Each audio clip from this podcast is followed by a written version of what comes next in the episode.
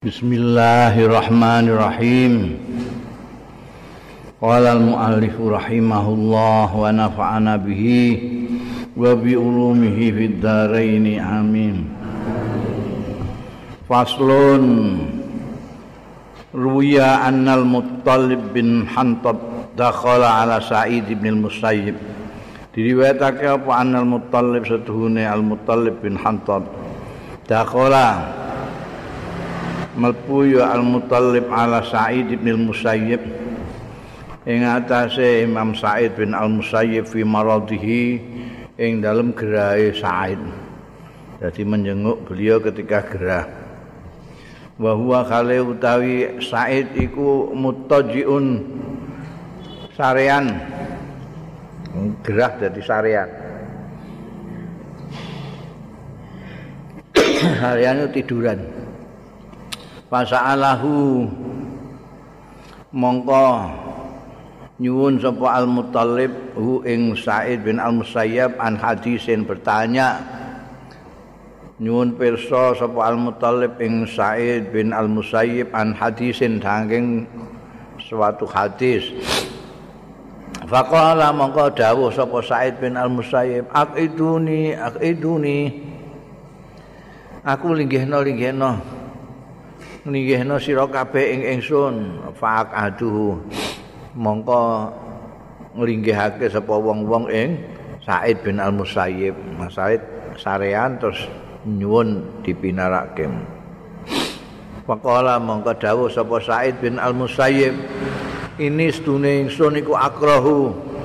Ora seneng sapa ingsun an uhaditsah yen to nyritakake hadis Rasulullah ing hadise Kanjeng Rasul sallallahu alaihi wasallam. Wa ana khali utai ingsun iku mutajiun turonan kok gak sopan. Aku mbok jaluki hadis aku meh menyampaikan hadis Kanjeng Rasul sallallahu alaihi wasallam kok turonan ya ora sopan. Mulane jaluk senajan gerah minta didudukkan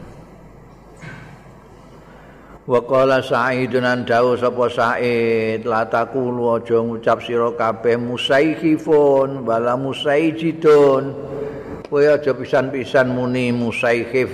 Musaihif itu tasghir saka mushaf. Mushaf itu iku mbok waca-waca iku. Kumpulan Al-Qur'an itu jenenge mushaf. Ning bahasa Arab itu ada sifat tasghir untuk mengatakan kecil. Itu tidak usah mencari kata-kata lain atau ini kitabun kitab cilik ngono rasa muni kitabun sahir kedawan. Kutaib ngono ya kutaib.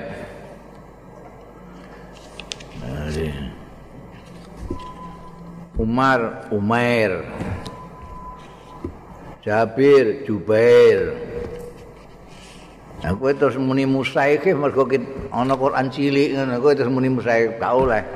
Embek Imam Said Al Musaib, aja muni musaik. Ana masjid cilik kowe muni musaijid gak kena. Loro iki aja mbok tashir maksude ngono. Aja mbok ucapno musaik utawa musaijid. Maka analillah fa azim. Utawi apa ae? Barang kana kang ana. Ya maiku lillahi kagungane Gusti Allah fahuwa mongko utawi maiku azimun agung hasanun bagus jamilun tur indah agung indah. Najan masjid cilik ora aja mbok taskil. Iku mono agung mergo rumah Tuhan. Muskap itu mengku dawuh-dawuh Gusti Allah itu agung, bagus dan indah. Jembok tashir. Wa an Sa'id bin Al-Musayyib saking Imam Sa'id bin Al-Musayyib kala ngendika sapa Sa'id bin Al-Musayyib dakhaltul masjid fi lailati adkhiyan. Melbu sapa ingsun al masjid ing masjid fi lailatin adkhiyan ing dalem bengi purnama padang apa padang bulan wa azunnu lan nyono sapa ingsun anis tune ingsun iku kat asbahtu. Teman-teman isu-isuan mergo padange gak karuan rumah saku wis esuk. Pak Idzan al-lailu ala hali dumada bengi ku ya bengi ala hali ngatasé kondisine lail pancen bengi jebule isih bengi. Fakum tu mongko jumeneng sapa ingsun sholli salat sapa ingsun. Fajalastu mongko pinarak sapa ingsun ingsun adu donga sapa ingsun. Pak Idzan hatifun dumadaan ana swara tanpa rupa. Hatif swara tanpa rupa.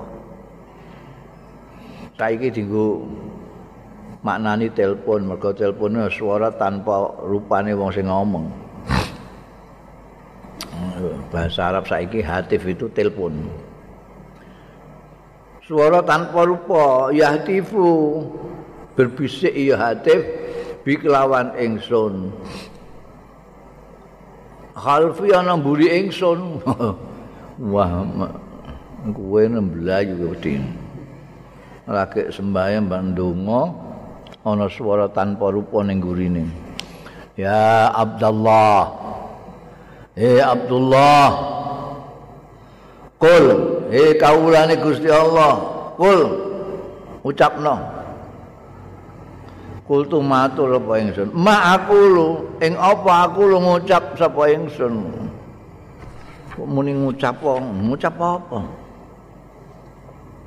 Kala ndika ya hatif mau kul. Ngucap sira Allahumma inni as'aluka Duh Gusti ini sak temene kula as'aluka nyuwun kula ing panjenengan. Bi annaka lawan setune panjenengan iku malikun. Sing anggadai raja penguasa. Wa mata min amrin ai barang kang ngersakake panjenengan min amrin nyatane perkara. Yakun. Pasti terwujud ya amrin donga untuk kok apa bisikan ya kisian bahasa Indonesia kisian bisian Allahumma inni as'aluka bi annaka malikun wa ma tasha'u min amrin yakun. Qala Sa'idun dawu sapa Sa'id pama da'autu biha? Mungkoran donga sapa ingsun biya kelawan donga mau. Lisaiin kanggo sesuatu lisaiin kanggo sesuatu qattu babar pisan illa raaitu kejaba ningali sapa ingsun najhahu ing suksese sae no iku dinggo donga iki mbah kena mbok nggo kowe mbah ora? Kenake kena mandine lho. Eh Allah jadi sak durunge donga Allahumma inni as'aluka bi annaka malik wa ma tasa'u min amrin yakun engkau penguasa apa yang engkau kehendaki pasti terjadi. Bariku ndonga eh njaluk bojo. Karek kasil pora eh eh waqala Imran bin Abdullah ngono dim-dim ya mbok catet ya aku roh. Waqala waqala Imran. Dika sapa Imran bin Abdullah du iya Sa'idun ilal bai'ah diundang sapa Said ilal baiati marang baiat lil Walid. Marang Walid. Walid itu anak Abdul Malik. Abdul Malik ini ini gak gak kerso mel baiat mergo ini baiat sekaligus baiat anak loro. Gak kerso diajar nganti 30 jilidan saiki pas waktane waktu peresmian penobatane anake Al Walid bin Abdul Malik wa Sulaiman ba'da Abdul Malik. Sesudah Al Walid terus adine Sulaiman bin Abdul Malik diundang iku gak tahu faqala la ubayyanin faqala mongko dawuh sapa la ubayyu aku ora gelem beat isnaini wong loro. Mahtalafal lail wan nahar. Selagine beda wala gilir gumanti apa alailu bengi wan nahar lan awan. Selama pergantian malam dan siang saya tidak akan mau membeat dua. Nah, itu ndak ono. Ceritane melok sapa gak jelas dhuwur-dhuwurane gak ono. Iku banget bid'ah Fakilam kok diaturake? Jenengan yang mboten purun diundang beat. Anak Abdul Malik kalih niku nggih udkhul. Jenengan melbu minal babi saking lawang wakhruj minal babil akhir. Medal saking lawang sanese. Kesane mboten konangan kali pejabat kali polisine Abdul Malik. Jadi nek jenengan keng mriki medali mangke wang sulik mriki. Ampun mangke dititeni wakil polisi. Maksudnya nyaranke supaya selamat ngono. Kala ngendika sapa Said wallahi demi Allah layuk tadabi ora diikuti biklan ingsun. La layak tadi ana titik ya eh? Ndani iki malah dikek karo kati bareng mletene ra karuan layak tadi orang ngetutke biklan ingsun sapa akadun. Ya ngono dilalah kok ya digenti kitabe kok ya kitabku juga sing salah-salah terus iki piye to. Minanna saking manusa fajulida mongko dijilid sapa Said bin Al-Musayyib mi'atan 100 saiki. Wa ul bisa lan dipakai sapa Imam Said bin Musayyib. Al-masuha ing pakaian gombal pakaian pendito nah, pendito e pakaiane gombal ngono kan walam majurida bareng dilucuti.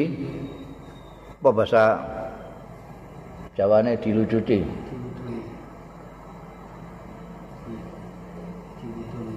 Diuculi yo diuculi kok sabuk bareng ngono iki pakaian kabeh dilucuti. Itu diuculi mek dilucuti kayak diuculi sabuk kolor bareng diuculi ini dilucuti itu pakaiannya so. ya pokoknya bahasa Indonesia ini ngono. Enggak ngerti cara Jawane ya Indonesia no. Dilucuti dalam majurida li, untuk apa dilucuti? Liudroba untuk dipukul dicambuk 100 kali itu tidak boleh pakai pakaian nanti kan enggak tekan geger. Kolat imra bareng dilucuti menyaksikan ini garwane. Kolat ngendika sapa imraatu garwane Imam Said bin Al Musayyib. Inna hadza la maqamu hizyin. Setune iki ada tempat kehinaan ya Allah. Bojoku dilucuti pakaian. Ini betul-betul makam yang merendahkan. Faqala mawadika Said min maqamil khizyi fararna justru saka panggonan kehinaan fararna melayu kita. Kita sedang lari menjauhi kehinaan. Ngono wong eh haus kekuasaan kok sampai sak keluarga. Niku lebih rendah lagi. Saya sampai diginikan ini justru karena tidak mau direndahkan dengan membayar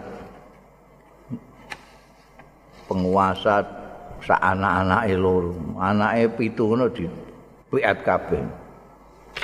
Haus kekuasaan. Waqala Ibnu Harmalah ta ndika sapa Ibnu Harmalah maka na insanun yasta'ir ayas'al ora ana sapa insanun seseorang pun ya tarik sing wani-wani. Ala ayas ala ing atase yen to nyuwun pirsa Said dan ing Said an sain tentang sesuatu hatta yastazinahu. Sehingga nyuwun izin sapa insan hu ing Said kama yastazinul amir. Kaya dene njaluk izin sapa insan al amira ing penguasa. Oh ngono ya? Hmm. Wibawane sampai segitu. Ketika duduk sebagai seorang alim kowe meh takon apa-apa perkara ilmu harus minta izin dulu.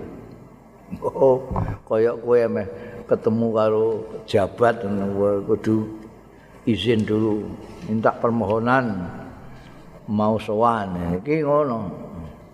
Minta badhe sowan badhe tangklet-tangklet udah izin gak ana sing wani terus langsung ndelonyor ketemu terus takok.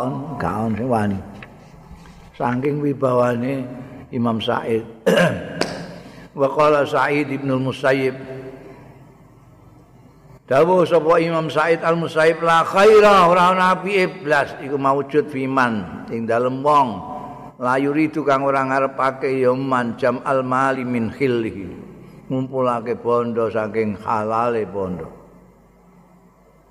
Yukti sing menehake ya man minhu saking mal haqqahu ing hak mal. Baya kufu lan ngeker sapa man bi kelawan mal wajau ing segine arah-arah man arah-arah mal Waya silu lan nepung ya man minhu saking dene mal mau rahimahu ing sanake man. Wa yu'addila nekaake ya man minhu saking mal mau amanah tau ing amanah man. Wa yastaghni bihi lan sumugih ya man bihi sebab mal mau an khalqi rabbi saking titahe pangerane man oh tidak ada baiknya sama sekali orang yang tidak menghendaki ngumpul bondo dari halal Terus pokoknya halal haram sikat. Wah, orang nabi. Orang yang baik itu yang menghendaki harta itu yang halal saja. Enggak mau yang yang tidak halal atau subhat mau. Kalau nabi ini kepengin ngumpulno orang kepengin ngumpulno bondo saka halale dan memberikan haknya harta itu. Harta itu haknya apa? untuk keperluannya dia nafkahi keluarga untuk di sedekah niku fakir miskin niku anak yatim dan seterusnya itu hak hakul mal dan malah ini mesti ini kudu di infakno malah dikeker. Medit itu serau nabi iblis ini ini orang sangat butuh. Dia punya malnya tidak dikasihkan. Yakufu bihi wajah tidak mau memberikan kepada sanak amilinya. Untuk nepung sanak itu dia tidak pernah memberikan hartanya. Itu dia punya amanat tidak digunakan harta itu untuk menyampaikan amanat itu dia punya harta itu tapi dia masih tamak kepada makhluk Gusti Allah. Itu tidak nabi iblis. Orang yang baik itu yang mengumpulkan uang dari yang halal, hak-haknya uang itu di harta itu diberikan, tidak pernah ngalang-alangi dari segi-segi kebaikannya harta itu. Ya, untuk nepung sana, untuk menyampaikan amanah dan tidak butuh makhluk lain kalau sudah punya harta itu. Paslon, kola malikun, dawa sepo malik. Imam Malik itu, nah, Imam Madhab itu, itu, itu kan santri ini, Said bin Al-Musayyib. Ya. Nanti kau sepo malik, karena ana sepo Said bin Al-Musayyib, iku yumari, paring sapa Said bin Musayyib hulaman ing hulame lahu kedue Said fi sulusai dirhamin ing dalem 2 per 3 dirham. Yang sak dirham punya sak dirham 2 per 3 nya dikasihkan hulamnya. Itu Said bin Musayyib. Wa atahu lan nekani ing Said bin Al Musayyib sapa ibnu amihi anake pamane. Anake paman apa? Di sana. Nih Said bin Musayyib. Bi arbaati alafi dirhamin kelawan patang ewu dirham. Dia memberikan kepada gulamnya dua per tiga dirhamnya. Sementara ada sepupunya yang memberikan membawa duit empat ribu dirham untuk dikasihkan beliau. Fa'aba mongko ora kersa sapa Said bin Al Musayyib ayak khudaha ing yen to ngalap sapa Said ha ing arbaat alaf dirham. Tidak mau menerima dikasih. Padahal itu awayanan halal faslun. Wala Sa'idun dawu sapa Sa'id Ida aradallahu mongko tatkalane ngersakake sapa Allah. Fadhihata abdin ing mempermalukan kaulane. Mempermalukan apa? Gak ngisin gak ngisin no ngisin ngisin no iku berarti memalukan. Mempermalukan. Itu bukan ngisin ngisin no kelakuanmu ngisin-ngisena itu kelakuanmu memalukan ini Gusti Allah ngesake mempermalukan. Membikin malu. Mempermalukan suatu kau suatu hamba. Nek Gusti Allah ngersakake mempermalukan seseorang hamba akhrajahu mongko ngetokno sapa Allah hu ing abdin mintah tikanafi saking ngisore perlindungane Allah. Jadi kita semua itu di bawah lindungannya Allah taala. Tapi nek Gusti Allah ngersakake naudzubillah mempermalukan hambanya itu dikeluarkan dari perlindungannya. Kalau sudah dikeluarkan dari kanafihi fabadat mongko tampak linnas tampak apa ya cetha linnasi marang manusa apa auratuhu aurate abdun. Mana isih di dalam pelindungan kanafillah iku orang dilindungi ditutupi aurate dia punya celah-celah punya keburukan tidak ada yang tahu. Mana wong Arab gaene muni ya satir ya satir njaluk ditutupi. Kaya wong-wong gak ngonangi eleke. Hmm? Kowe iku duwe elek ditutupi Gusti Allah nek kancamu gak ero tapi naudzubillah orang yang sudah dikeluarkan dari kanafillah itu berarti yang mau dipermalukan bagi Gusti Allah. Auratnya dibuka. Waqala Ibrahim bin Abdullah ndika sapa Ibrahim bin Abdullah Zawaja Sa'idun. Ngawinake sapa Sa'id bin Musayyib imnatahu ing putrine Sayyid Sa'id bin Al Musayyib bidirhamain Iku sing entuk apa jenenge? Santrine kalau eh critane wingi. Kak, iku ora mau duwe rong dirham santrine iki. Kawin Bunda Zikru Said bin Jubair. Tokoh besar lagi yang hidupnya terakhir itu Said bin Jubair Said bin Jubair itu tabi'i kufi. Seorang tabi'i tinggalnya di Kufah orang Kufah. Karena ono sapa Said bin Jubair ono iku fakihan ahli ilmu agama abidan. Ya, hampir sama dengan Said bin Al-Musayyib.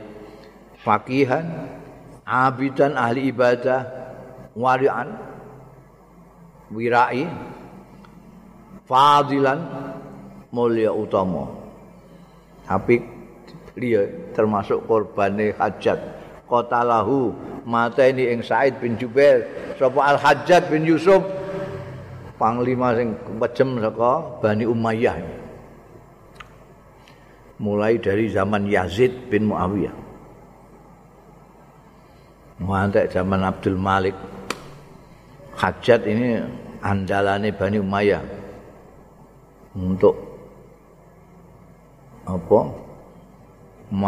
Pokoknya sing melawan pemerintahan sikat.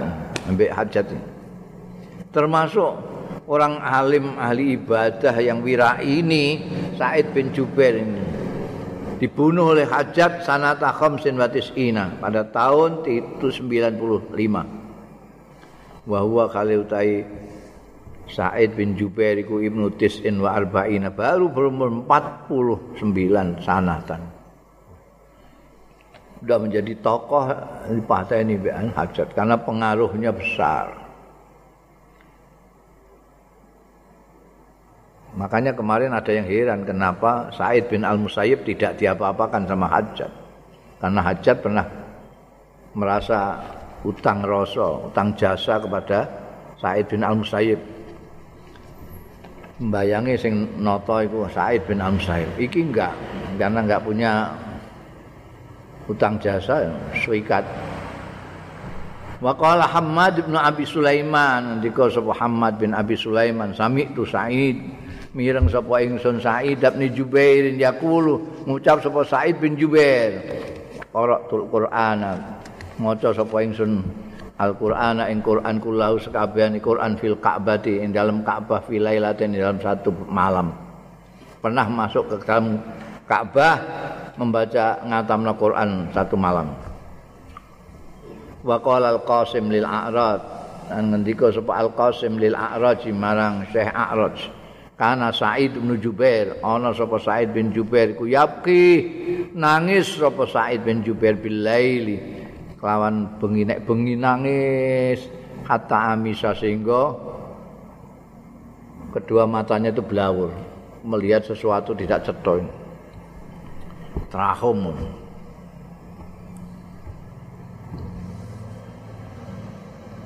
Waqala Waqa bin Iyas Kana Sa'id ana sapa Sa'id bin Jubair iku yahtimul Quran ngatamake sapa Sa'id Al-Qur'an ing Qur'an fi ma bainal maghrib ing dalem barang kang antarane maghrib wal isya fi Ramadan ing dalem bulan Ramadan. Nek bulan Ramadan beliau ini Sa'id bin Jubair ngatamna Quran itu bar maghrib nganti isya.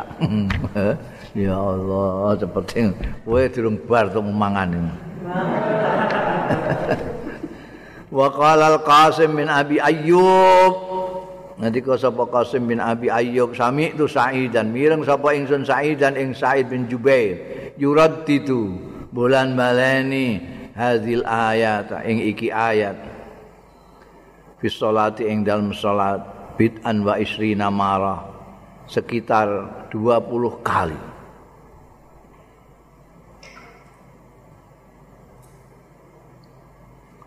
Jadi nek maca ayat nalika salat maca ayat wattaqu yauman turja'una fihi ila Allah Thumma tuwaffa kullu nafsim ma kasabat wa hum la yulamun. Iku dibalani nganti 20 kali.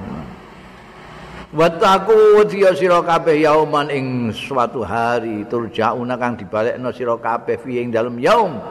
Ilallahi marang Gusti Allah. Summa tawaffa mongko karo kali dipateni apa kulo nafsin. Tuwafa gak? Tuwafa dipateni piye? Tuwafa dipenuhi. Apa bahasa Jawa nih dituhoni tuwafa itu. Dipenuhi apa kulo nafsin? Ini kamu punya sekian dikasihkan sekian itu dipenuhi. Apa dipenuhi apa kulo nafsin setiap awa-awaan dipenuhi ma barang. Ning ma ing barang kasabat kang gawe apa amkulu nafsin? Wa hum mahali utahi menusa kabeh kula yulamu ana sing dizalimi. Semua setiap orang apa yang dilakukan akan ditunaikan semua dipenuhi.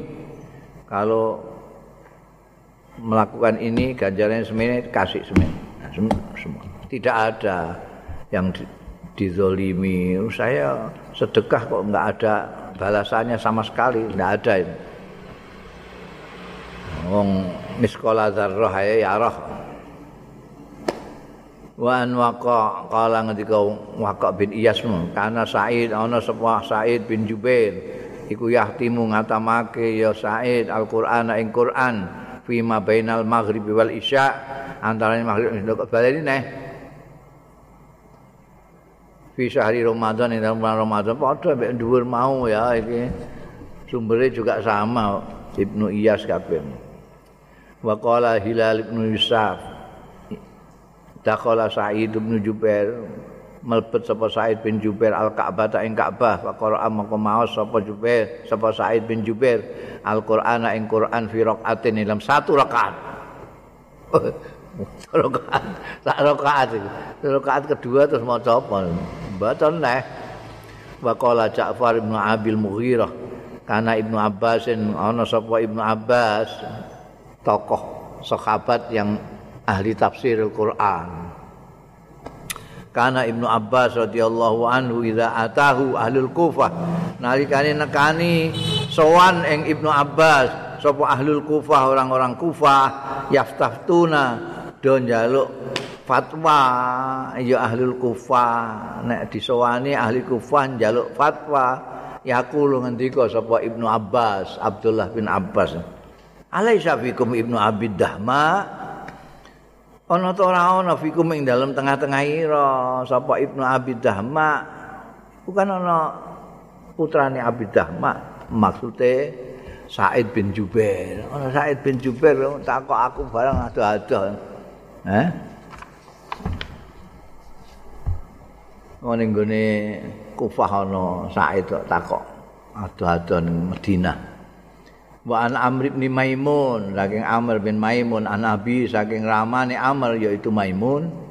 Kala ngendika sapa Abi lakot mata Said bin Jubair. Teman-teman kapundhut sapa Said bin Jubair wa ma alal ardi lan ora ana ing atase bumi apa akadun wong suwiji illa wa huwa.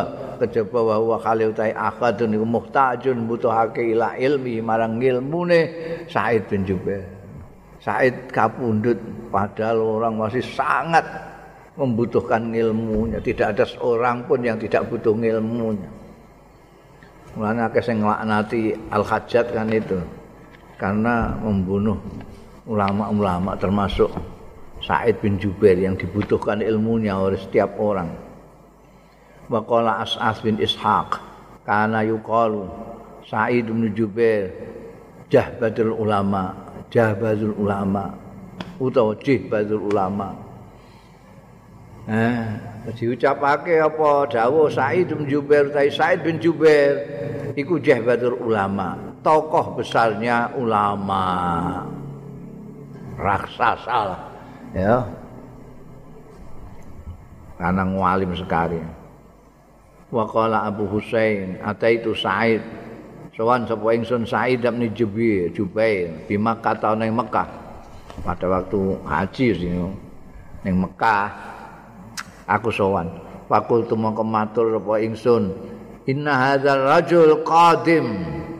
Setuhune iki orang lanang iku qadibun teko. Niki anu lho teko lho tiang niki. Yakni ngarepake sapa Abu Husain Khalid bin Abdullah. Sing dimasukna rajul itu Khalid. Niki Khalid bin Abdullah. Temriki lho niki.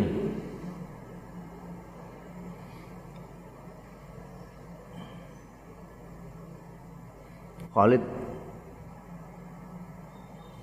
Khalid bin Abdullah itu pejabatnya Bani Umayyah yang ditugaskan di Mekah. Ya padahal Said bin Jubair digoleki mbekan Bani Umayyah. Iki ana sing ngandani Abu Husain matur. Niki tiange teng mriki niki. Wala amunhu amanahu alaik lan kula mboten merasa aman ing hadzal rajul alaika ing atase panjenengan. Wakhrut kula aturi medal mawon saking Mekah mriki. Niki teng mriki niki Khalid bin Abdullah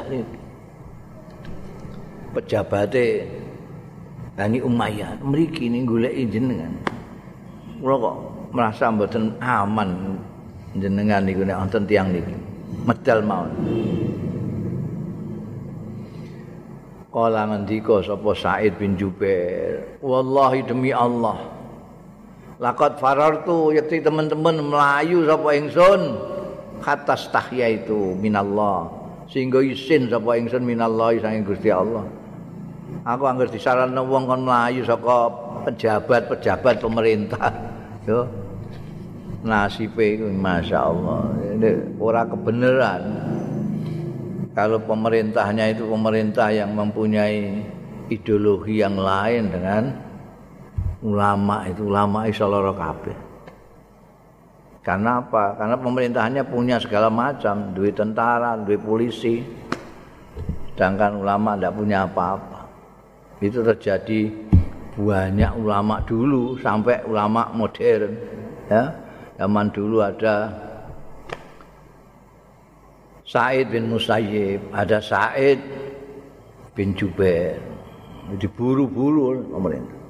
Zaman Pak Harto kiai-kiai itu lara kabeh. Ana ilang bloko-bloko mbuh digoning dia. Pondok-pondok di Joko Babinsa. Apa-apane kok ngomong sing kira-kira beda sithik ngono mbek pemerintah wis bahaya. Mumbian Allah yarham Abah itu kan dijuluki Singapodium. Iku nek arep pidato harus ada tanda tangan 20 tanda tangan. Mulai ketua RT, ketua RW, carik, eh kami tua, carik, lurah, camat, koramil, babinsa, mendur-mendur lah, Ahmad.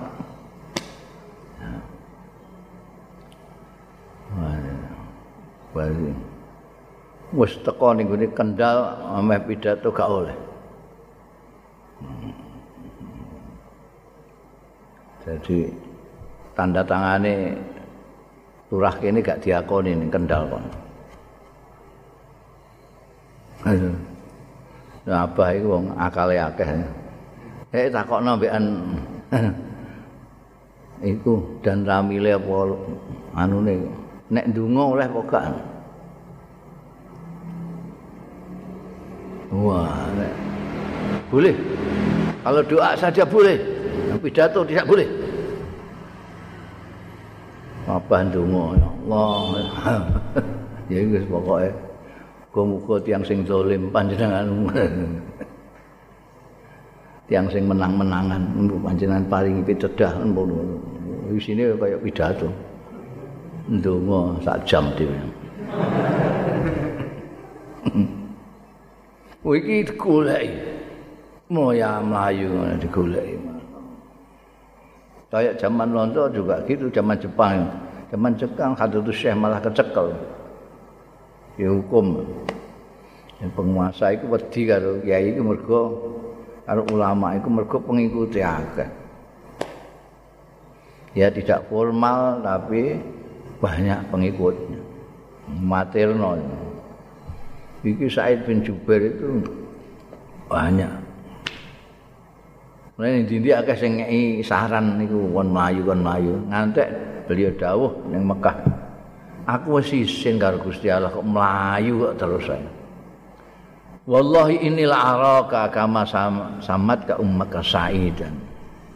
Kultu mongko matur sapa ingsun Abu Husain yang ngatur. Wallahi demi Allah, ini sak temene kula niku la araka yakti ningali kula ing panjenengan. Kula tingali kama samatka ummuka kados dene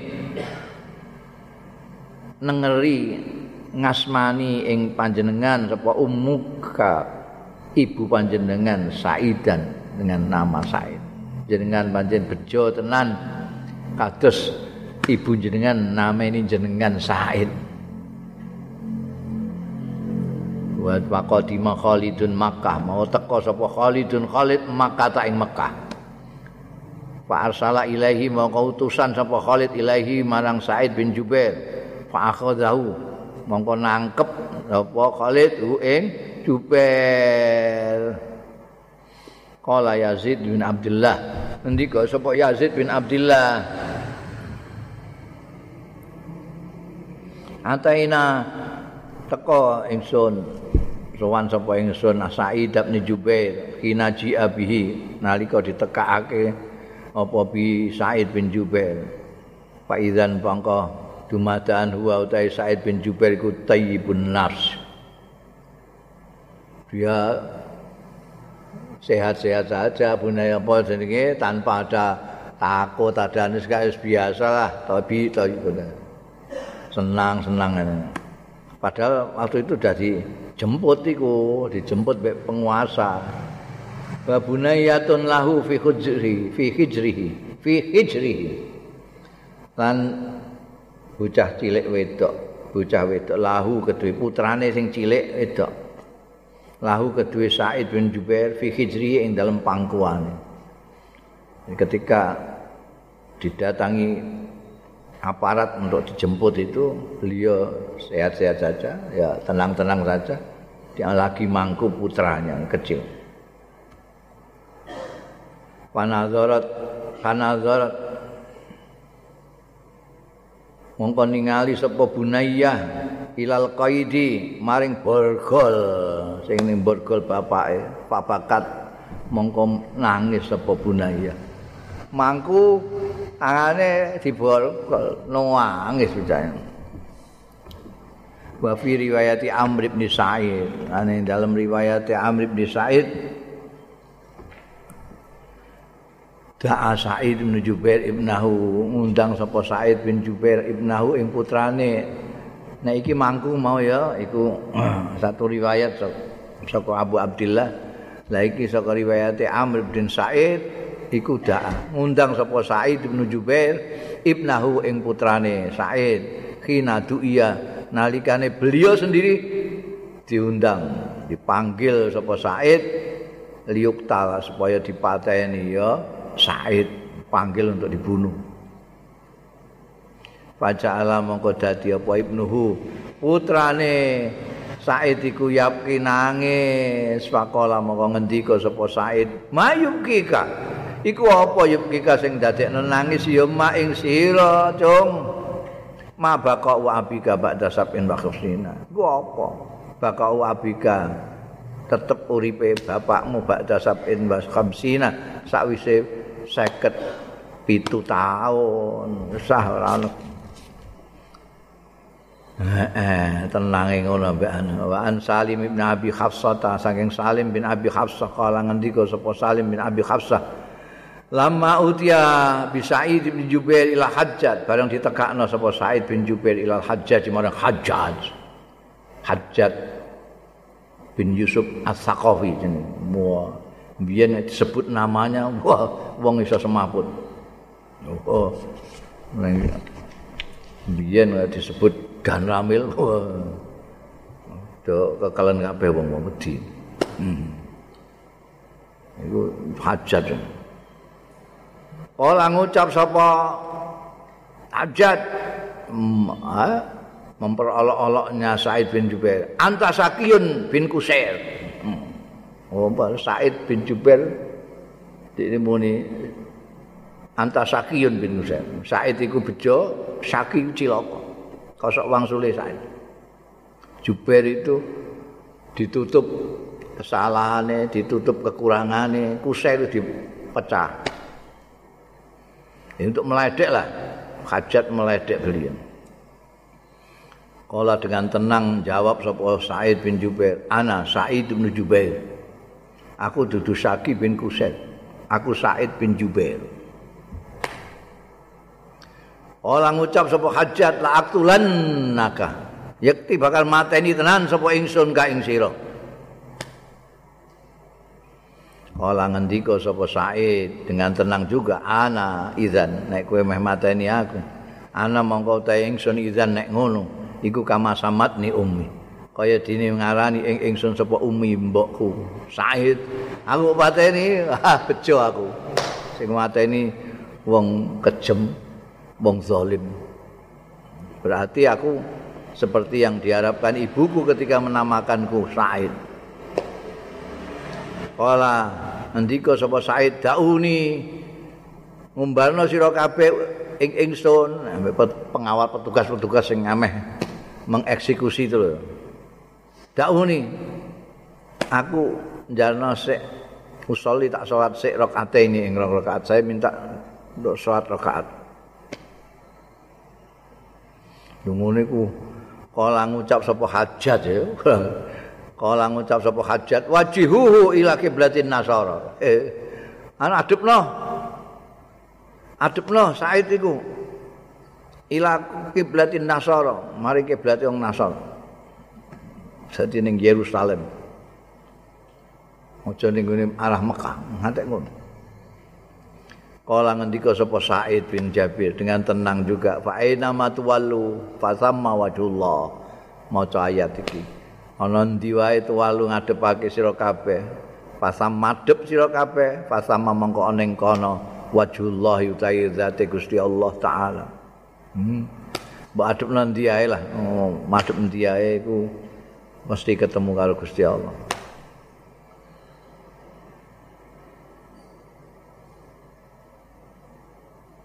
Kala ngendika sapa Said bin Jubair, ini setuhune ingsun.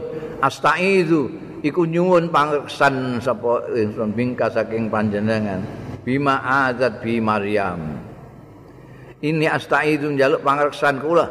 Aku mingka saking sampean hajat bima lawan barang azat sing njaluk pangreksan bi lan sapa Maryamu. Ewi Maryam. Aku njaluk perlindungan ning saking awakmu seperti hanya Maryam minta perlindungan. Qala wa ma adat bi Maryam. Salat celatu sepo hajat. Wa ma adat. Ing apa jaluk perlindungan bi kelawan ma sapa Maryamu Maryam. Kala ngendika sapa Said bin Jubair. Kala ngendika Maryam, "Inni a'udzu birrahmani minka in kunta taqiyya." ini stune ingsun nyuwun perlindungan sapa ingsun birrahmani kelawan Gusti Allah sing Maha Rahman mingka saking sira ing kunta lamun ana sira iku takian wong sing wedi pangeran. Itu kan doanya Siti Maryam nalika didatangi malaikat Jibril. Beliau tidak pernah bergaul ma lawan jenis sama sekali tiba-tiba ada laki datang.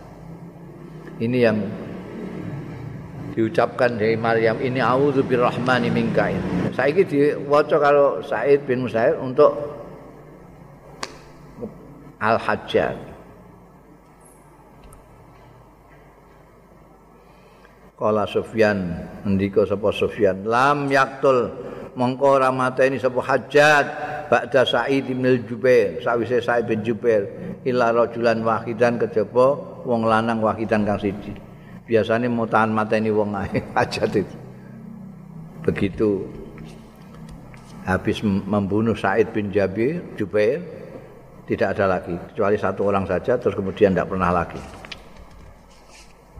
Wa fi riwayat bin Syaudzab, wa fi riwayat Ibnu Syaudzab kala ngendika Syaudzab lama amaro nalikane perintah sapa al hajjaj bisaidin lawan said perintah ayyuktal. Yen to dipateni ya said istaqbalal kiblah madhep sapa said al kiblat ing kiblat panada mongko gembor sapa al hajjat menyeru sapa al hajjat min majlisi saking majlis hajjat isrifu enggokno. Said Aja untuk madhep kiblat. Pasurifa mengko dienggokno sapa Said anil kiblat saking kiblat juwate. Mau madhep kiblat gak oleh. Wa qala fa qala ibn Khalifah wa qala Khalaf bin Khalifah an abi sange ramane yaiku Khalifah. Syahidtu aku nyekseni maktala Saidin ing terbunuhnya Said falamma bana bareng arep terpotong apa rok suhu? Lamma bana rok suhu. Mustakane Said. Harus dipancung sirahe wis kala endika sapa Said? La ilaha illallah. La ilaha illallah. La summa qala salasan. Mongko keri-keri ngucap sapa Said salasan ing telu walam yatim salasalan ora sempurna asal di satu yang ketiga. La ilaha illallah la ilaha illallah. Gak tekan. Mereka terus langsung dipancung. Baru dua pancung. Wa qala ya'la ngendika sapa ya'la kuntu adkhulu alal hajjat aku ana sapa ingsun iku adkhulu mlebu sapa ingsun alal hajjat ing atase hajjat bin Yusuf As-Saqafi bi ghairi iznin tanpa izin. Aku nyelusup ning omahe hajjat wa kuntu aktubulahu lan ana sapa ingsun iku aktubulahu. Dia ini ya'la ini penulisnya ya juru tulis. Wa kuntulan ana sapa ingsun iku aktubu nulis lahu kanggo hajat dia penulisnya hajat jadi mlebu diam-diam wa ana yauma idzin lan ana sapa ingsun yauma idzin. Nalika iku iku gulamun isih bocah. Padahal alaihi mongko mlebu sapa ingsun alaihi ing atase hajat ba'da maqata ala sawise mateni sapa hajat Sa'id bin Jubair ing Sa'id bin Jubair. Wa huwa fi kubatin wa huwa utahi hajat iku fi kubatin ing dalem kemah. Pada khaltu alaihi mongko mlebu sapa ingsun alaihi ing atase hajat mimma yali zahrahu. Saking arahe gegere dadi nek gak ngerti aku ning gurine. Saka arahe gegere hajat dadi ning gurine. Pasami tu mongko mireng sapa ingsun ing hajat. Ya aku lu ngucap sapa hajat mali wali Said bin Jabi Jubair. Iku apa li kedue ingsun wali Said bin Jubair? Kenapa saya ini dengan Said bin Jubair? Bolak-balik mending ngono Pakar Rasul mongko metu sapa ingsun ruwai dan pelan-pelan. Aku mah krungu soalnya metu pelan-pelan.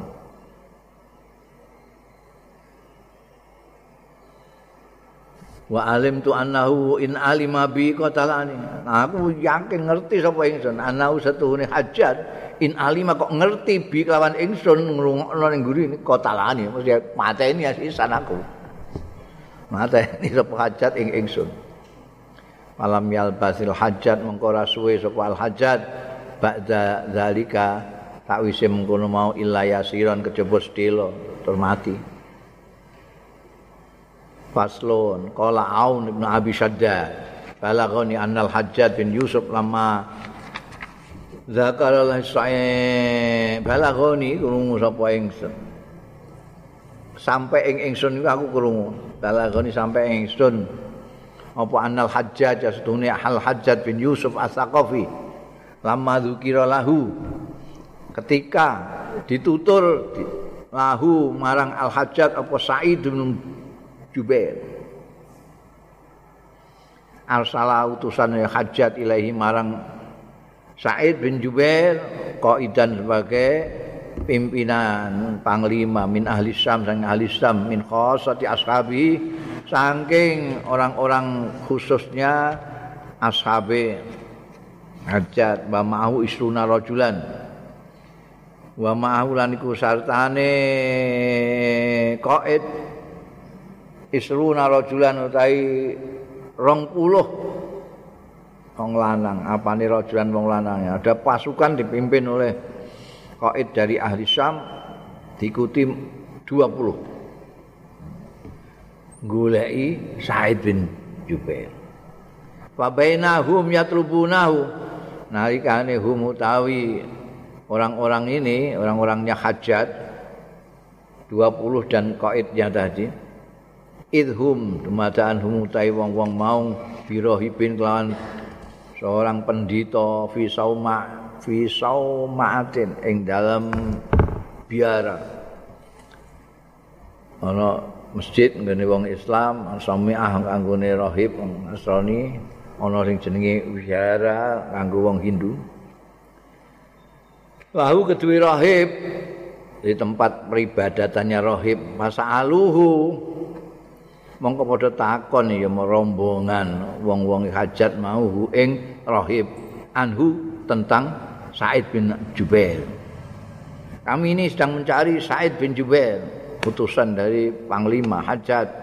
Sampean tahu enggak? Faqala rahib mongko ngucap sapa ar-rahibu pendeta mau. Sifu li jake sipati wong iki kaya apa sing mbok golek iku? Said sing bin Jubair iku kaya apa rupane? Nyipatono sira limarang ingsun. Fawasafuhu mongko nyipati sapa rombongane pasukane al-hajat mau hu ing rahib la nyipati hu ing Said bin Jubair lahu marang rahib Fadallahu mongko nuduhake sapa rahib hu ing rombongane haj, pasukane hajat mau alaihi ing atase Said. Fantolaku mongko do budalan ya rombongan iki 20 ambekan kok ide mau. Sumaradda eh fantalaku fawajadu mongko nemu wong-wong mau hu ing Said bin Jubair sajidan halil lagi sujud. Ditemukan sedang sujud. Pada minhu mongko marek ya wong-wong 20 sak mau minhu saking Said bin Jubair. Fasallamu alaihi mongko salam apa rombongan mau alaihi ngatasi Jubair? Ing ngatasi Said bin Jubair. Para fa'arok sau mongko ngangkat sapa Said? Arok sau ing mustakane Said bin Jubair. Fa'atamma mongko nyempurnakno sapa Said bagi atas salati ing kekerining salate Said. Sumaroda alaihim begitu selesai sembahyang Sumaroda mongko keri-keri mangsuli sapa Said bin Jubair alaihim ing atase wong-wong mau assalamu ing salame. Faqalu mongko ngucap sapa rombongan mau inna rusulul hajjat. Kita ini nastune kita iku rusulul hajjat, utusan-utusane hajjat ilaika dateng sampean. Fa'ajibhu mongko aturi jawab panjenengan. Jangan ditimbali. Wayang ngijabahi sampean ing hajat. Fahamidallah mongko muji sapa? Sa'id bin Jubair Allah ing Gusti Allah wa asna. Lan ngalembono sapa? Sa'id alaihi ing atase Allah. Wa sallallahu mau selawat ya Sa'id ala nabihi ing atase nabine Sa'id sallallahu alaihi wasallam. Summa qama mongko kaya jumeneng ya Said bin Jubair pamasya mongko lampah ya Said bin Jubair ma'ahum sartane rombongan pasukane hajat mau. Rusulu hajat mau hatta intahau ila dairil rahib. Sehingga sampai ya rombongan iki mau rusulu hajat sampean Said bin Jubair mau ila dairi rahib marang tempat ibadah rahib mau pendito mau. Faqala lahum rahib. Mongko ngucap sapa rahib lahum marang rombongan marusul hajjat usudu adir ayo do munggah-munggah ning gone anu ya ning gone kene ning gone dir panggonan ibadah ya niku iku ning gone eh wihara munggah ning gone wihara kene Kaya napa fa innal labu'ah wal asad setuhune labu'ah wal asad tuhune labu'ah iku singa wedok wal asad singa lanang. Ini gune Arab ora ana singa, tapi untuk mengatakan singa wong Arab duwe tidak kurang 75 kata. Wis kayane bahasa Arab. Al-Asad, Al-Labu'ah, Al-Lais, Al-Haidarah. Nah, pirang-pirang. Iki diantaranya labuah itu ya singa tapi wedok, wal asad sing lanang. Iku ning jaba ana singa. Tak jodoh, ayo munggah ning ngene biara. Fa innal labu awal asada yakwiyani iku padha belindung karo ne khaulatir. Ana ing kiwa tengene wihara iki. Yo nek nang jopo iso dikerah kok. Fajal dukhul mongko aki-aki ya rusulul hajat ad-dukhula ing melbu qoblal masa isak sore do mlebu kabeh. Fa fa'alu dzalika mongko do mlebu kabeh. Ya rusul hajat dzalika ing mengkono-mengkono dil naipe fa'aba mongko ora kersa sapa Saidun Said ayat khuladir yen to mlebu sapa Said adira. Faqalu mongko ngucap sapa rusul hajat mana roka illa wa anta turidul harab. Eh gak gelem mlebu? Kenapa kowe? Manaro ka ora ningali sapa kita ing sampean illa wa anta kejaba wa anta khalita sampean iku turidul harab. Mesti ngesake sampean al harab ing mlayu minas ing kita to ngragel mlebu. Kene mlebu kowe gak gelem mlebu kowe meh. Mlayu to kala dawuh sapa Said la ora aku ora kepengin mlayu ora arep mlayu. Walakin la adkhulu manzila musyrikin abad. Angin tapi aku ora gelem mlebu manzila musyrikin ing omahe wong musyrik abadan selawase. Kalu ngucap sapa rusulul hajjat fa inna da'uka. Mongko sedune kita iku ora membiarkan sapa kita ing sira. Fa inna siba taqtuluka. Mongko sedune satu galak iku taqtuluka iso mateni ya satu galak ing sira. Enggak tak umbal Kala Said ngendika sapa Said ladir ora ana bahaya gak ana bahaya iku maujud inna ma'i rabbi setuhune iku sartane ingsun rabbi pangeran ingsun paya srifuha mongko akem arep ngenggokno. Sapa rabbi? Ha ing siba ani saking ingsun. Waya ja'ala halan paya srifa la daira. Inna ma'i rabbi. Fayasrifuha mongko nginggokake sapa rabbi? Ha ing siba ani saking ingsun. Wa yaj'aluha lan dadekake sapa rabbi? Ha ing siba kharasan sebagai penjaga kauli ana kiwa tengenku yakhrusuni do jaga. Ya siba ni ing ingsun mingkuli sauin saking setiap keburukan. Insyaallah. Oh pede banget. Wis anjan ora ana ora bahaya ora apa. Aku duwe pangeran. Ora pangeran sing ngenggokno. Malah engko mungkin njogo aku iku. Satu galak satu galak itu diperintahno pangeranku njogo aku. Kalau pada matur sapa rusulu hajat fa anta minal anbiya. Mongko ta sira iku minal anbiya termasuk nabi-nabi. Kok iso ngarani pangeranmu nganggep njogo kowe? Kala dawuh sapa sae ma'ana minal anbiya. Ora ana utahe ingsun iku minal anbiya termasuk nabi-nabi gak aku gak termasuk nabi. Walakin abdun min abidillah. Aku termasuk kawula saka kawula kawulane Gusti Allah. Khatiin sing salah muznibin sing berdosa. Oh kerendahan hatinya. Saya ini hanya kawulane Gusti Allah yang akeh dosane. Qala rahib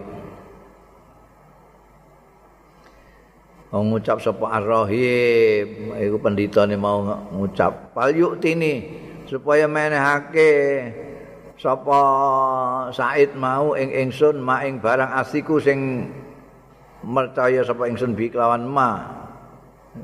Kon apa memberikan apalah yang bisa membuat rohib itu percaya nek ora arep melayu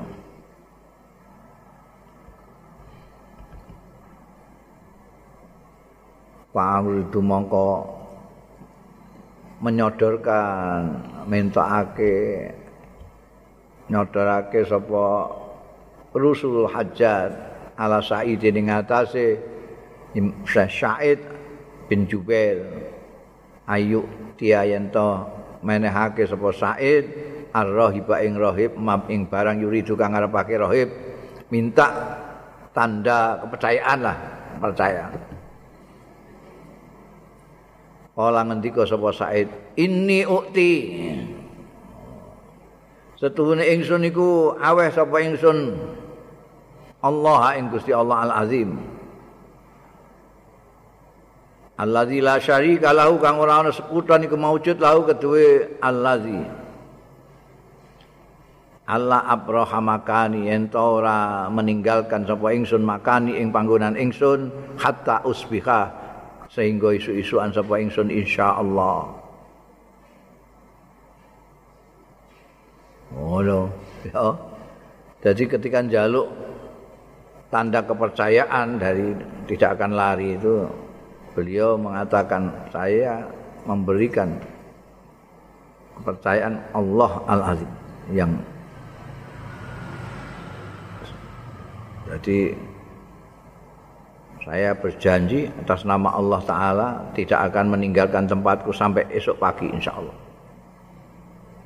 Pakola rohib mongko ngucap sepo rohib lahu marang rusulul hajat mau isudu wes do munggah kabeh ning wihara.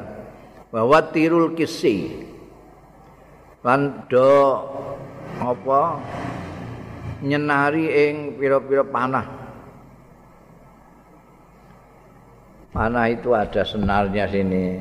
Talinya gendewa itu kaos. Jamae kisi iku sing melengkung itu sing untuk mana? Sing ning kene ditalekno kene iku jenenge senar witer itu. Watiru artine kon ngeki iki. Iku ning kono ana gendewa-gendewa anu pasang senare watiru. Ginapa tunafiru kowe iso ngusir sira kabeh asiba ing satu galak an hadzal abdis saleh saking iki kawula sing saleh iki. Mun nek ana singa-singa iku marep-marep iso mbok usir kanggo panah. Lama so itu mongko bareng munggah ya rusulu hajat watirul kisi mongko padha nyenari ya ya nyenari ya istilahnya apa itu? Naleni gendewa. Nyenari gak ono wataru mongko nyenari sapa rusulu hajat al-kisiyya ing gendewa-gendewa.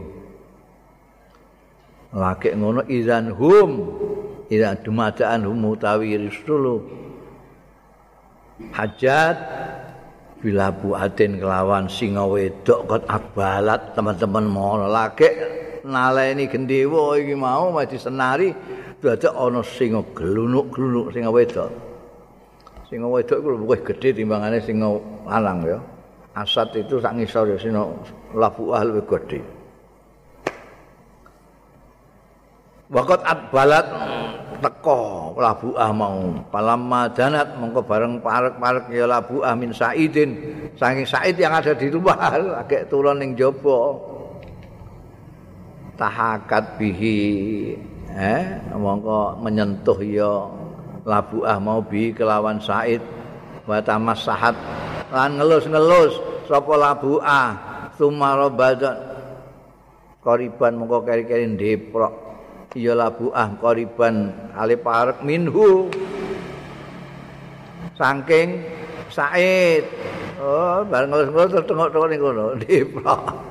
Wa akbala terus teko wa akbala madhep apa al asadu singa yang laki-lakinya datang juga. Fasona mongkon gawe ya asad mitra dalika ing umpamane mengkono-mengkono yang dilakukan oleh Labu Ah tadi ngelus-ngelus terus tu diprok ning kono. Alam maro al rahib bareng ngerti sapa ar rahibu pendito mau dalika ing mengkono-mengkono kedadian wa asbahu lan isu-isuan sapa rusulul hajjat nazala ilaihi.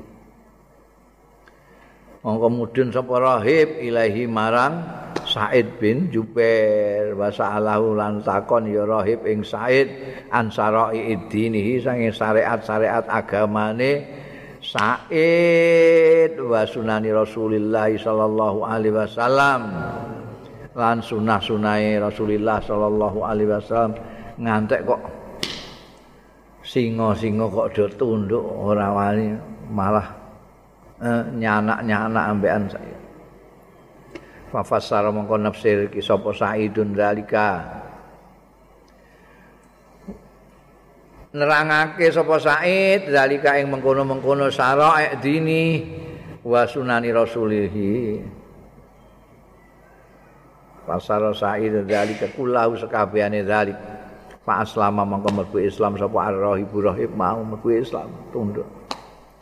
wa aqbalal kaum ala saitan madhep apa al kaum wong-wong mau kaum iku tegese rusulul hajat mau ala saidin. Ing atase said ya tadziruna padha njaluk ngapura.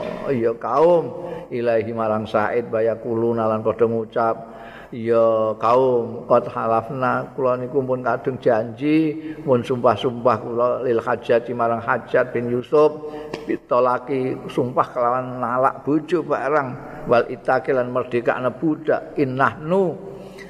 Lamun utawi kita iku ainaka ningali kita ing panjenengan lana tak uka. Mboten badhe ngumbar kita ngecolake membiarkan kita ka ing panjenengan kata nusakhisa ka ilai sehingga uh, membawa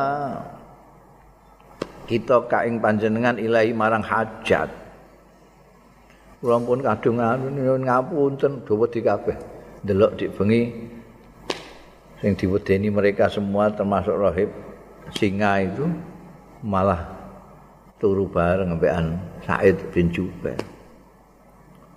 Jaluk ngapura mbek kondo niki kula pun kadung sumpah pitolak kali atang. Sumpah kali hajar. Nek ningali jenengan mboten langsung ngembalke kudu nyekel, kudu membawa ke menghadapkan lah hatta nusakhi menghadapkan kita ing panjenengan ilahi marang hajat. Kala dawuh sapa Jubair, umdu li amrikum. Wis ah nerusno sira kabeh li amrikum maling urusan ira kabeh. Fa inna mongko stune kelakuan iku larad. Ora ana sing iso nolak li qada illahi marang qadae Gusti Allah taala apa pestane Gusti Allah taala. Pasaru mongko berangkat ya kaum kata balagu sehingga sampai ya kaum wasiton ing wasit. Hmm? Itu kira-kira beberapa pos lah dari apa Basrah. Wasit itu eh, kotanya Hajat, tempat dia tinggal. Dia apa namanya menamakan yang bikin juga dia Hajat itu. Kota itu yang bikin Hajat. Nah itu karena itu terletak di antara Basrah dan Kufah disebut Wasit. Dia namakan dirinya Wasit. Nama kota itu. Setelah sampai situ, falaman tahu ilaiha barang temeka ya kaum ilaiha marang Wasit iki mau qala lahum. Mongko ngendika sapa Said bin Jubair lahum marang kaum lastu asyuku ora ana sapa ingsun iku asyuku iku ragu-ragu sapa ingsun ana ajali astune ajalku. Iku qad hadara teman-teman wis temeka ya ajali wa annal muddat lan stune mongso qading qadat teman-teman wis entek. Sudah sampai masanya pada uni alaila mongko ngumbarno sira ngenjarno sira ing ingsun alaila ta ing bengi iki aku tak akhudhu. Ngalap sapa ingsun uhbatal maut. Ing sanguning pati. Wa astaidul lan nyiapake diri sapa ingsun limungkarin wa nakirin kanggo mungkar lan nakir. Faqala ba'du mongko ngucap sapa ba'du sebagian kaum wa alayya an adfa'ahu ilaikum wa utai Said iku alayya ing atase ingsun an adfa'ahu ilaikum yen to nyerahno sapa ingsun ing Said ilaikum marang sira kabeh insyaallah. Aku sing jamin panazaru ila Saidin. Angka ningali yo kaum mau ila Saidin marang Said qadamaat ainahu. Teman-teman oh, mengalir. Apa ainahu? Artinya nangis lah. Jamaat jamaat mengalir air matanya. Jamaat ainahu netro kali said. Wa sa'asa ra'suh. Lan maut maut apa ra'suhu? Mustakane said. Wa kbarra launuhu. Lan bleduken kabeh launuhu. Warnane Said ndak karuan. Kulitnya yang mana? Itu debu rambutnya daul-daul mripate drodosan walam yakul lan ora dahar sapa Said walam yasrab lan ora ngunjuk sapa Said. Walam yathak mundu lakauhu lan ora blas ora tau mujeng ya Said mundu lakauhu. Sejak ketemu ya kaum hu ing Said Fakalu mongko matur ya kaum, kaifa ubtuli nabika? Sados pundi ubtulina kok kula dicoba kita sedaya bika kanthi panjenengan. Kula niki gadah dosa napa? Kok dicoba ngaten? Dicoba dikongkon ambek hajat kongkon nyekel wong apike kaya ngene. Uzurna indah khaliqina. Kula aturi nyuwunaken ngapura panjenengan ing kita indah khaliqina wonten ngarsanipun pencipta kita yaumal hasri wonten dinane ora-ora masar kula mangke disuwunake ngapura Fakalu mongko membarno membiarkan sapa kaum sabilau ing dalane Said sing siap-siap ke dalam untuk kematian tadi. Fakhosala mongko masuk sapa Said sahu ing mustakane Said wa madra'atahu. Lan madra'ah itu midra'ah midra'atahu itu jubah yang terbuka depannya. Kaya eh saiki kan akeh ustaz-ustaz sing nganggo ngono iku. Jerone gamis jabane jubah kuning terbuka kene. Oh, jadi bukaan iku midra'ah bagian kebesaran. Eh, eh wa kisah aulan. Dodote. Said. Falam man sakka amud subhi. Mongko bareng meletek apa? Eh, tiangnya subuh. Tegese wis mulai padang.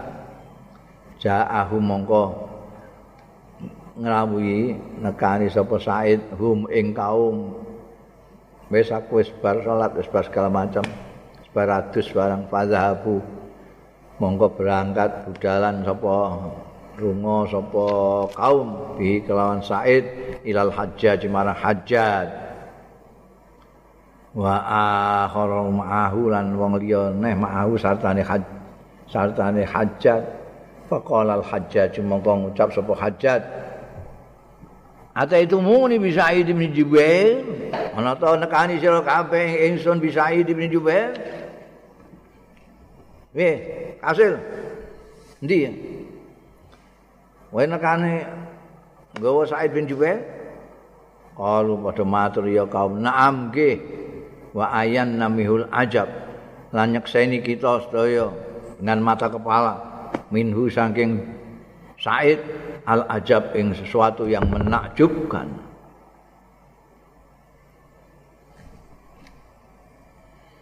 Fasarrafa wajahu anhum mongko mengasake sapa hajat wajahu ing raine hajat anhum saking kaum. Waqala adkhilu alai.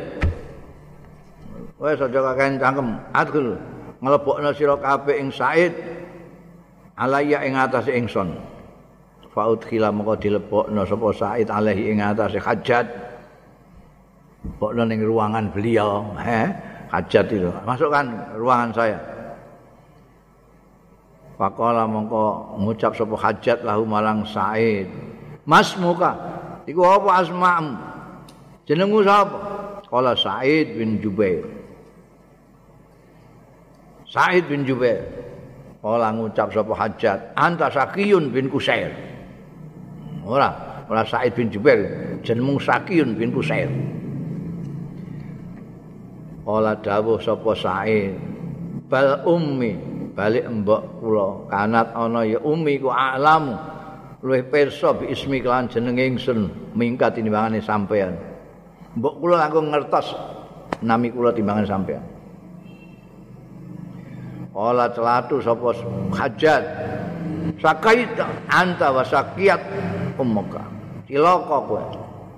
Anta ya sira. Lan cilaka sapa ummuka mbokmu. Ngontak wong. Qala al ghaib ya'lam qala dawuh. Ngendika sapa Said al ghaibu ya'lamuhu ghairuka sing gaib iku ya'lamu pirsa ing gaib sapa ghairuka liyane sampean sampean ra roh Kala celatu sapa?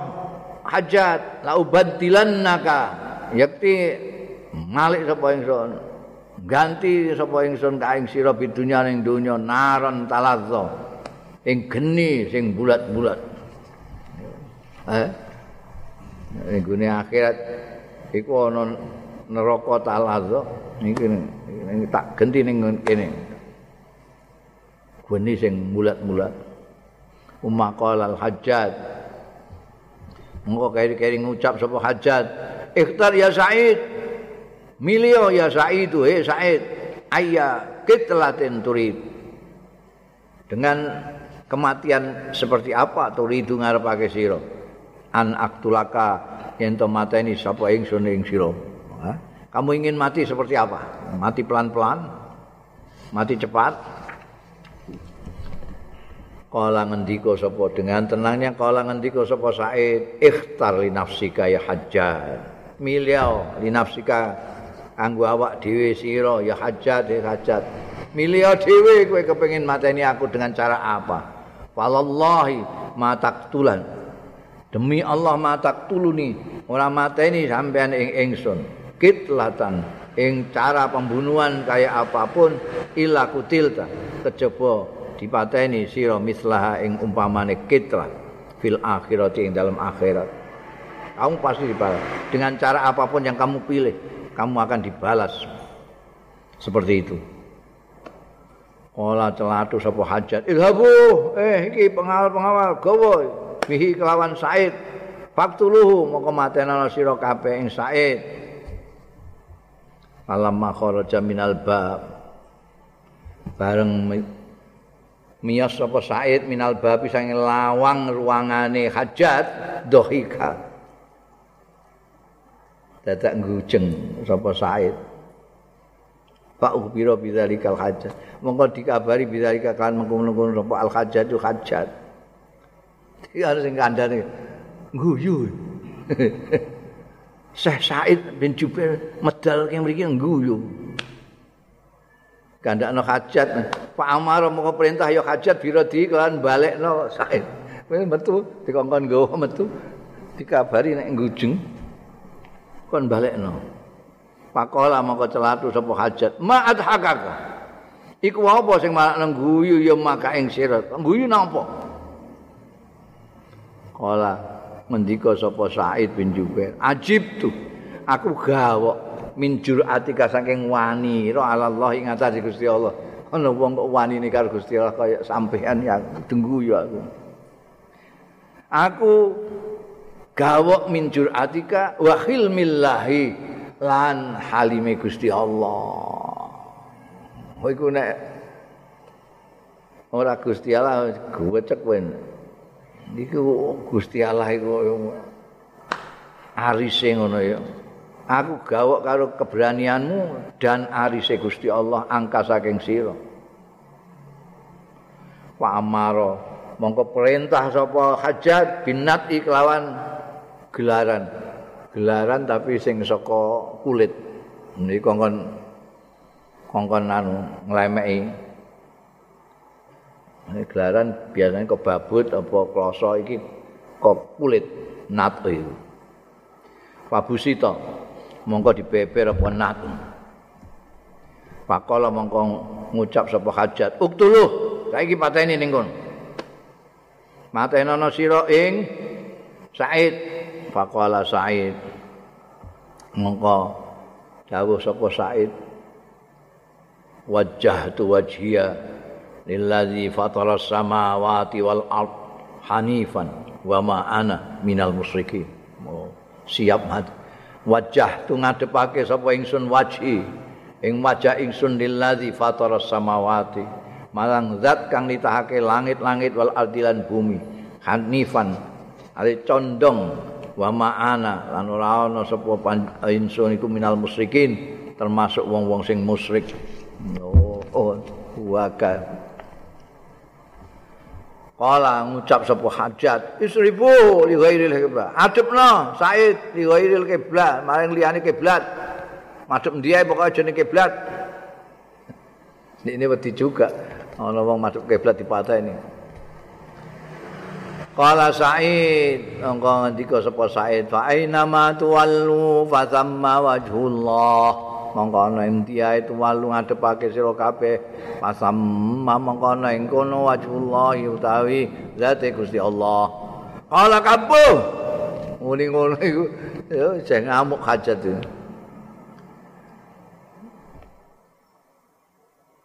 Tengkurupkan itu apa? Hmm, apa kon mengkurupno itu eh Mimpin Ramadhan Rono, Ramadhan ini penjung. Apa kabur.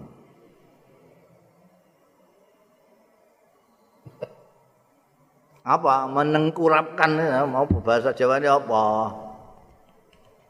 Eh ana wong Jawa blas ini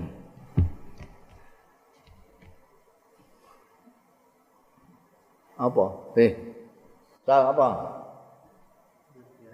Eh? Wah, ini mah. Ngojo bahasa Perancis ya. Bahasa Jawa kan ini bahasa Jawa kok. Nungkepno sira kabeh ngono ae. Ing Said ala waji ing atase raine Said. Kaya ora madhep ngono rene ngono. Mergo nek madhep ngono rene Ai nama tawalu fasam wajullah.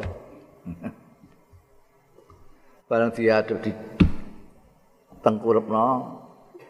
Kala Said Andika sapa Said? Minha khalaqnakum wa fiha nu'idukum wa minha nukhrijukum taratan ukhra. Wis wong lara kabeh hajat iki. Musah sitok iki. Didalili Quran terus wa minha. Jadi ngendikane Quran kabeh. Minha saka bumi. Dijungkelno apa mau ditengkurapkan ke tanah itu Dia ngendika ngono, ini tanah minda saka tanah iki khalaqnakum.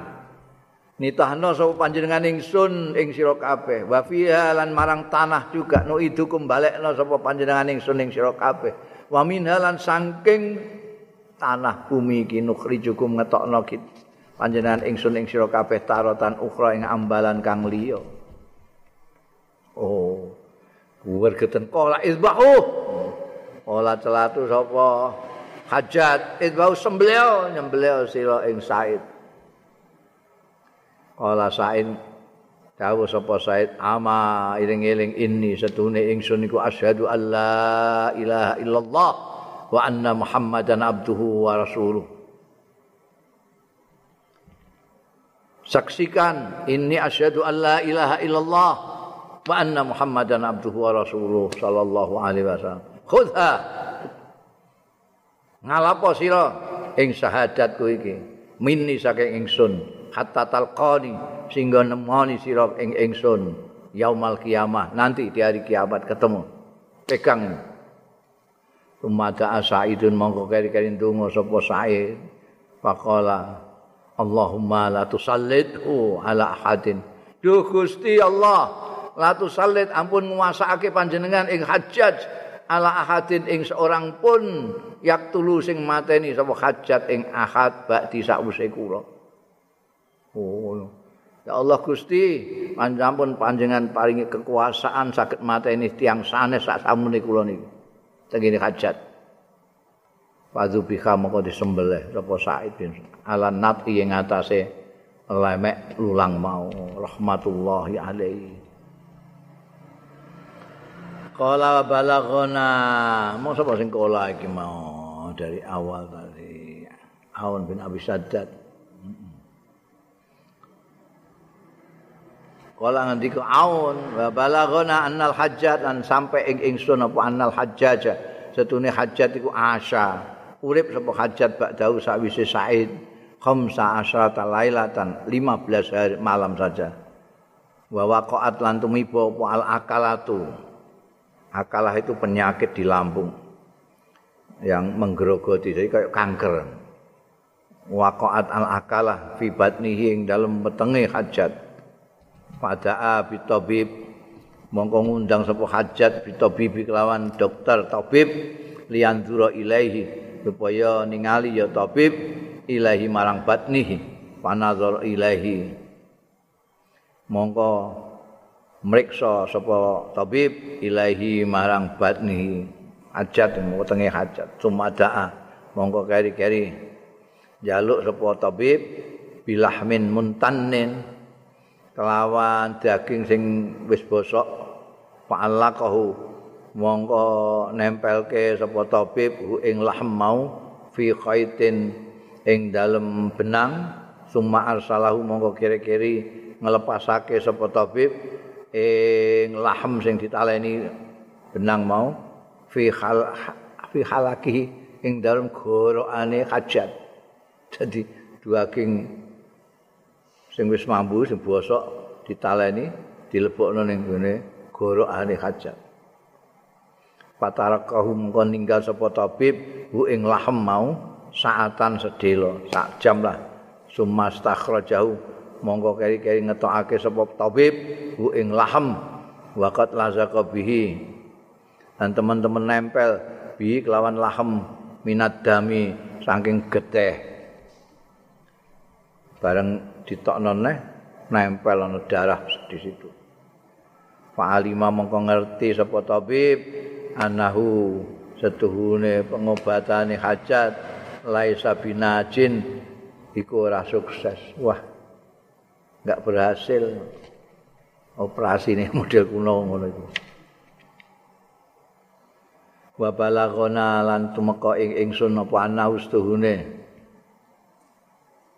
hajat kana ana sapa hajat iku yunadi. Berseru ya hajat bagiat hayati ing sawenae uripe hajat. Iku selalu gembor. Mali wali Said bin Jubair terbayang terus itu mergo rumangsa digodho Said bin Jubair nalika arep membunuhnya mali wali padahal ini membunuh orang banyak sekali. Sing terbayang-bayang itu Said bin Jubair Malili Said bin Jubair kenapa aku dan Said bin Jubair ini kulama aratun naum? Semong-semongso ngarepake sapa ingsun anaum ing turu? Akhoza nyandak sapa Ju Said bin Jubair bili kawan sikilku dadi rumangsa janji arep turu sikile coba kali Said bin Jubair. Masyaallah. Ora nalika urip ae. Nalika kapundhut barang iseng nggodho ruyaan faslun ruyaan hilal ibn khabab kala ngendika sapa hilal in khabab kharat tumas iki atas permintaane Rafi dan dikongkon ngatamno dia siji. Ruyaan hilal ibn khabab kala dari mangke mohon sawal jus kalih. Ruya dan riwayatake saya akeh sing guyu berarti setuju mek kowe ya. Ruya an Hilal bin Khabbab. Kala ngendika sapa Hilal? Kharaj tu ma Sa'id bin Jubair. Metu sapa ingsun karo Sa'id bin Jubair fi ayyamin madaina min Rajab. Ing dalem pira-pira dina kang liwat ya ayyam min Rajab saking bulan Rajab. Fa ahrama minal Kufah. mongko ikhram sapa Said minal Kufah sing Kufah bi umratin lan umrah. Sumaraja kari-kari kondur sapa Said min umrati sing umrah Said. Summa ahrama mongko kari-kari ikhram bil haji kelawan haji fin nisfi min dzil qa'dah ing dalem separone min dzil qa'dah saking bulan Rukudul Qa'dah. Padahal daleme Kufah kan ya. Rejab ikhram iki Zulqa'dah pertengahan Zulqa'dah ikhram haji. Wa kana yakhruju fi kulli sanatin marratain wa kana lan ana sapa Said bin Jubair iku yakhruju miyas fi kulli sanatin ing dalam setiap tahun marratain dua kali selalu setiap tahun. Marratanil haji wa marratanil umrah. Sekali untuk haji sekali untuk umrah. Wa qala asbagh bin yazid kana li sa'id bin jubair dikun. Sa'id bin jubair iku kagungan dikun. Iku keduwe sa'id dikun apa? Pitik jago yakumu jumeneng ya Said ila sholati maring sembayang idza soha nalikane kluruk ya di janji. Jadi orang kok ngingoni jago tinggu aduan enggak. Jadi nek kluruk salat. Kluruk Said salat Dadaan falam yasih lailatan mongko ora kluruk sapa dik lailatan ing suwijining bengi minal layali saking pira-pira wengi. Jadi fa asbaha mongko isu-isuan sapa Saidun Said walam yusalli. Biasane iku jam loro jam telu iku kluruk. Dadi terus salat wengi beliau. Iki kok bengi iki gak ana swara blas, sing gugah. asbaha saidun maka isu-isuan sapa said walam yusolli lan ora salat sapa said ora salat bengi maksud pasak mongko ora enak kabeh dari kamu kono mau alaihi ing atase said ngene apa ya? Masyaallah aku ngantek gak salat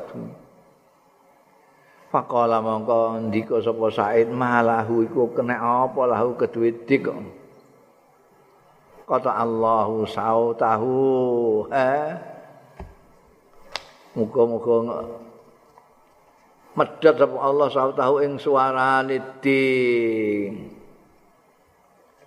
Pama sami amuk ora krungu meneh, pama sumi adzalika dik. Ora dirungu neh apa dzalika dik yasihu kluruk badha sakwise dipasot mau muni kata Allahu sautu. Oh iku dongane mati said eh ndonga bareng kata Allah SAW terus belas ora iso kluruk belas jago iku selawase. Pakolat lahu umuh mongko dawuh lahu marang Said sapa umuh ibune Said. Eh bunaya engger anakku latatku ala syai'in ba'daha aja ndongakno elek sira ya ala syai'in ing atas wiji-wiji ba'daha sakwise dongamu ning gone jagomu kowe kowe iku nek masakno mandi ra karo kowe ha pitik gak keluk belas e bareng kok dongakno kata Allahu sauta. Aja pisan-pisan ndongakno elek ning gone wong neh ya ning sesuatu apapun. Kuatir wa an Dawud bin Abi Hindin. Saking Daud bin Abi Hindin kala ngendika sapa Daud lama khudhal hajat lama akhadha bareng nangkep sapa Al Hajjaju Sa'id bin Jubair ing Sa'id bin Jubair qala ma'aron illa maktulan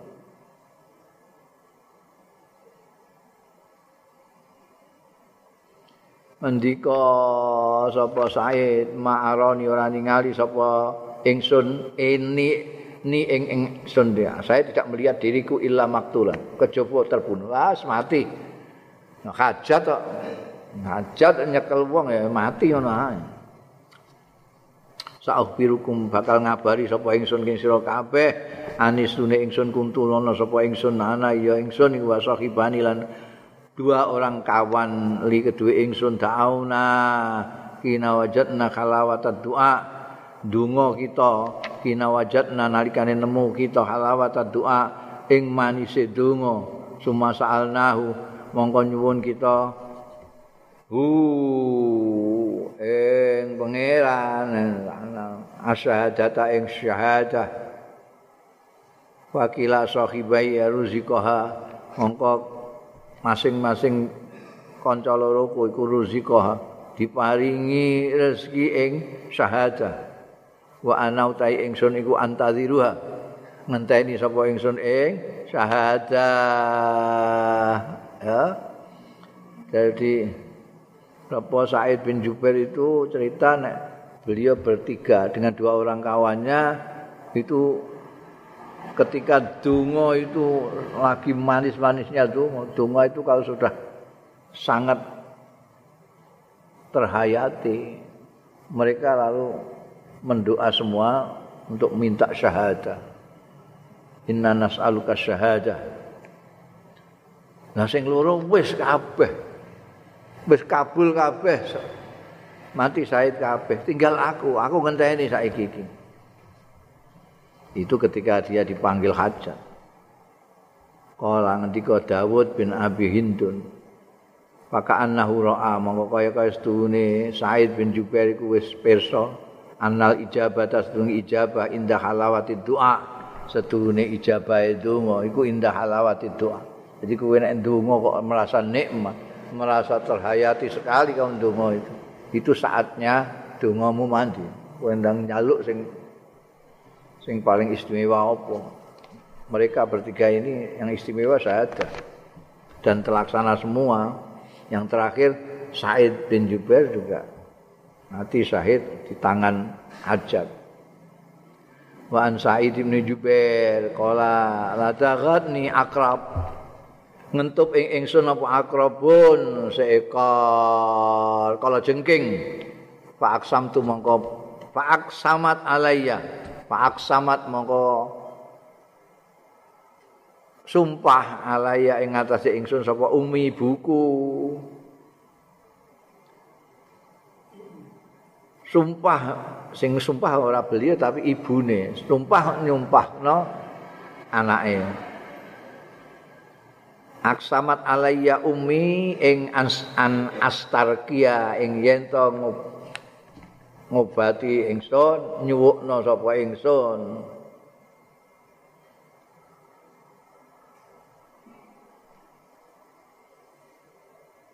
Pak ta itu mongko menehake sapa ingsun arraqiya ing tukang suwuk.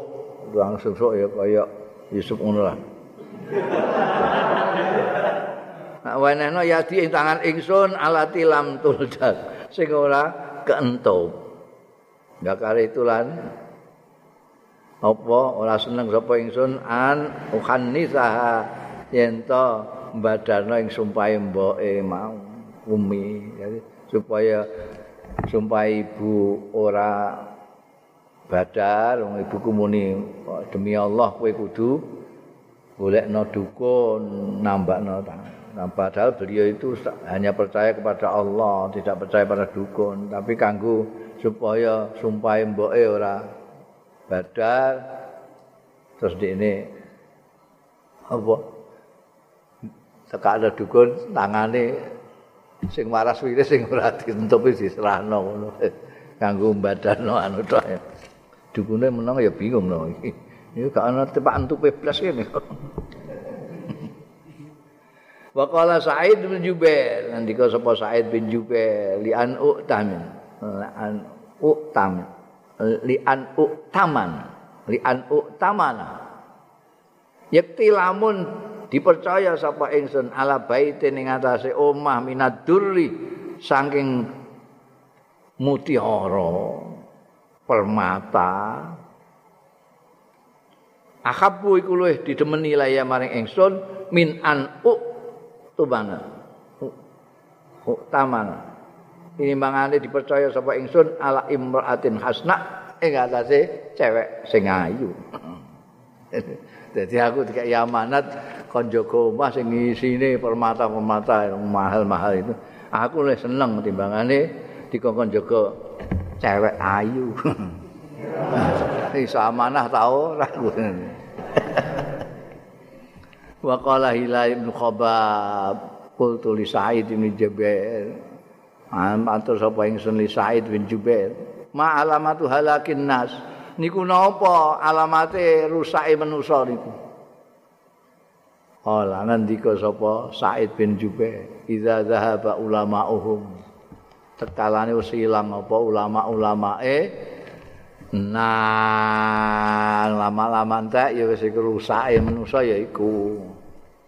Nek kalong sithik ya rada rusak kalonge akeh rada akeh rusake hilang belas rusak penting ulama itu untuk menjaga supaya tidak rusak.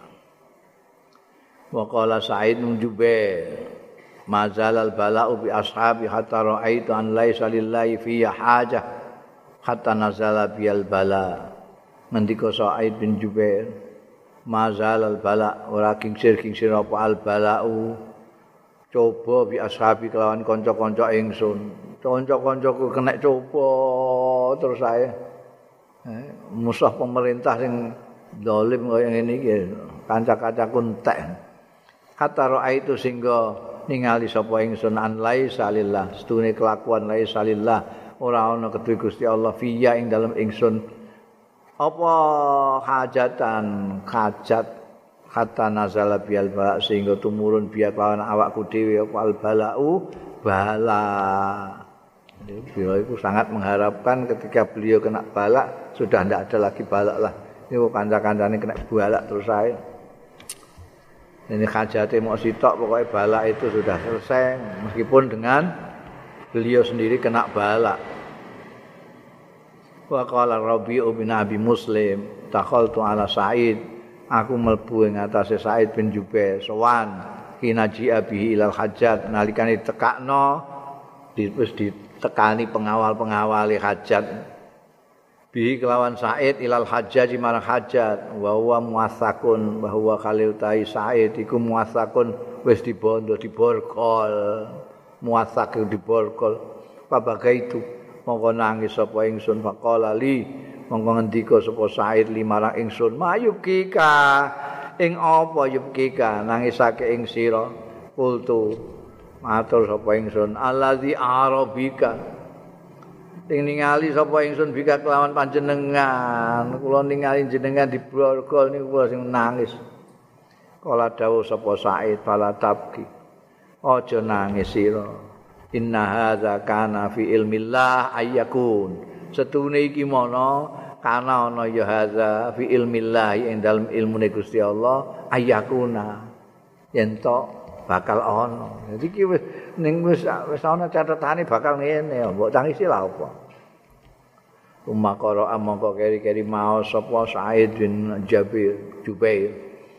Ma asaba min musibatin fil ardi wala fi anfusikum illa illa fi kitabim min qabli an nabra'aha min qabli an nabraha inna dzalika 'ala Allah yasir. Ma'asaba ka ora ngeneki min musibatin lagi musibah fil ardi ing dalem bumi wala fi anfusikum.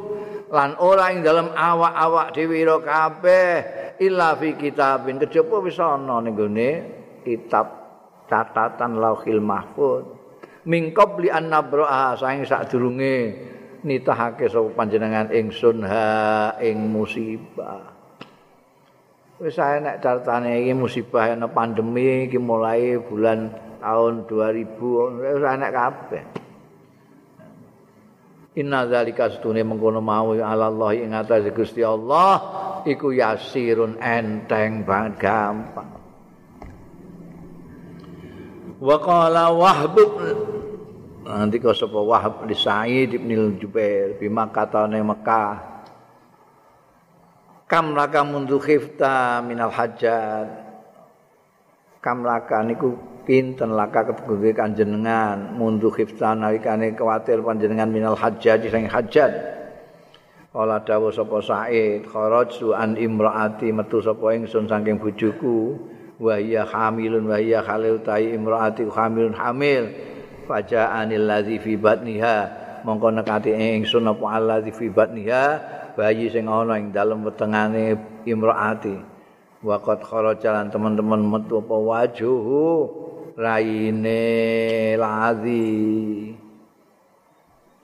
Wa faqala lahu wahbun mongko matur lahu marang Said sapa wahbun inna man qablakum kana idza asaba adum balaan addahu raqa. Setuhune man qablakum wong qablakum kang sadurunge ira kabeh kana ana ya mangkoblakum idza asaba tatkalane ngeneki ahadakum. Ing salah sijine mangkoblakum apa balaun bala adahu mongko milang sapa mangkana qablakum hu ing bala diwilang rohoan ing kemakmurahan ana bala wah makmur iki. Wa idza asabahu lan tatkalane ngeneki ing man qablakum apa rakhaun kepenak kemakmuran. Ada moko milang sapa man qablakum hu ing rokok diwilang balaan ing bala